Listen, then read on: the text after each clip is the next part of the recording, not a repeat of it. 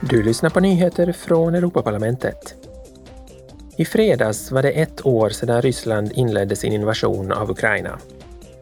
Ungefär 40 procent av den ukrainska befolkningen är nu i behov av humanitär hjälp och humanitärt skydd till följd av den förödelse som invasionen orsakat. På onsdag ska utvecklingsutskottet tillsammans med delegationen till den parlamentariska associeringskommittén EU-Ukraina behandla frågan om krigets förödande humanitära konsekvenser. Europaparlamentet ska tillsammans med det svenska rådsordförandeskapet organisera årets europeiska parlamentsvecka med fokus på budget och social politik. Den äger rum idag och imorgon på Europaparlamentet i Bryssel. Man kommer att diskutera klimatförändringar, energi och inflation följt av budgetstödet till Ukraina.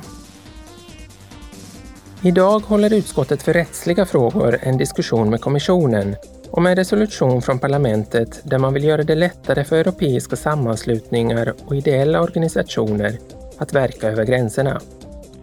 Detta kommer i samband med årsrapporten för 2022 som bland annat tar upp den roll som rättighetsförsvarare och organisationer i det civila samhället spelar för att värna de grundläggande rättigheterna.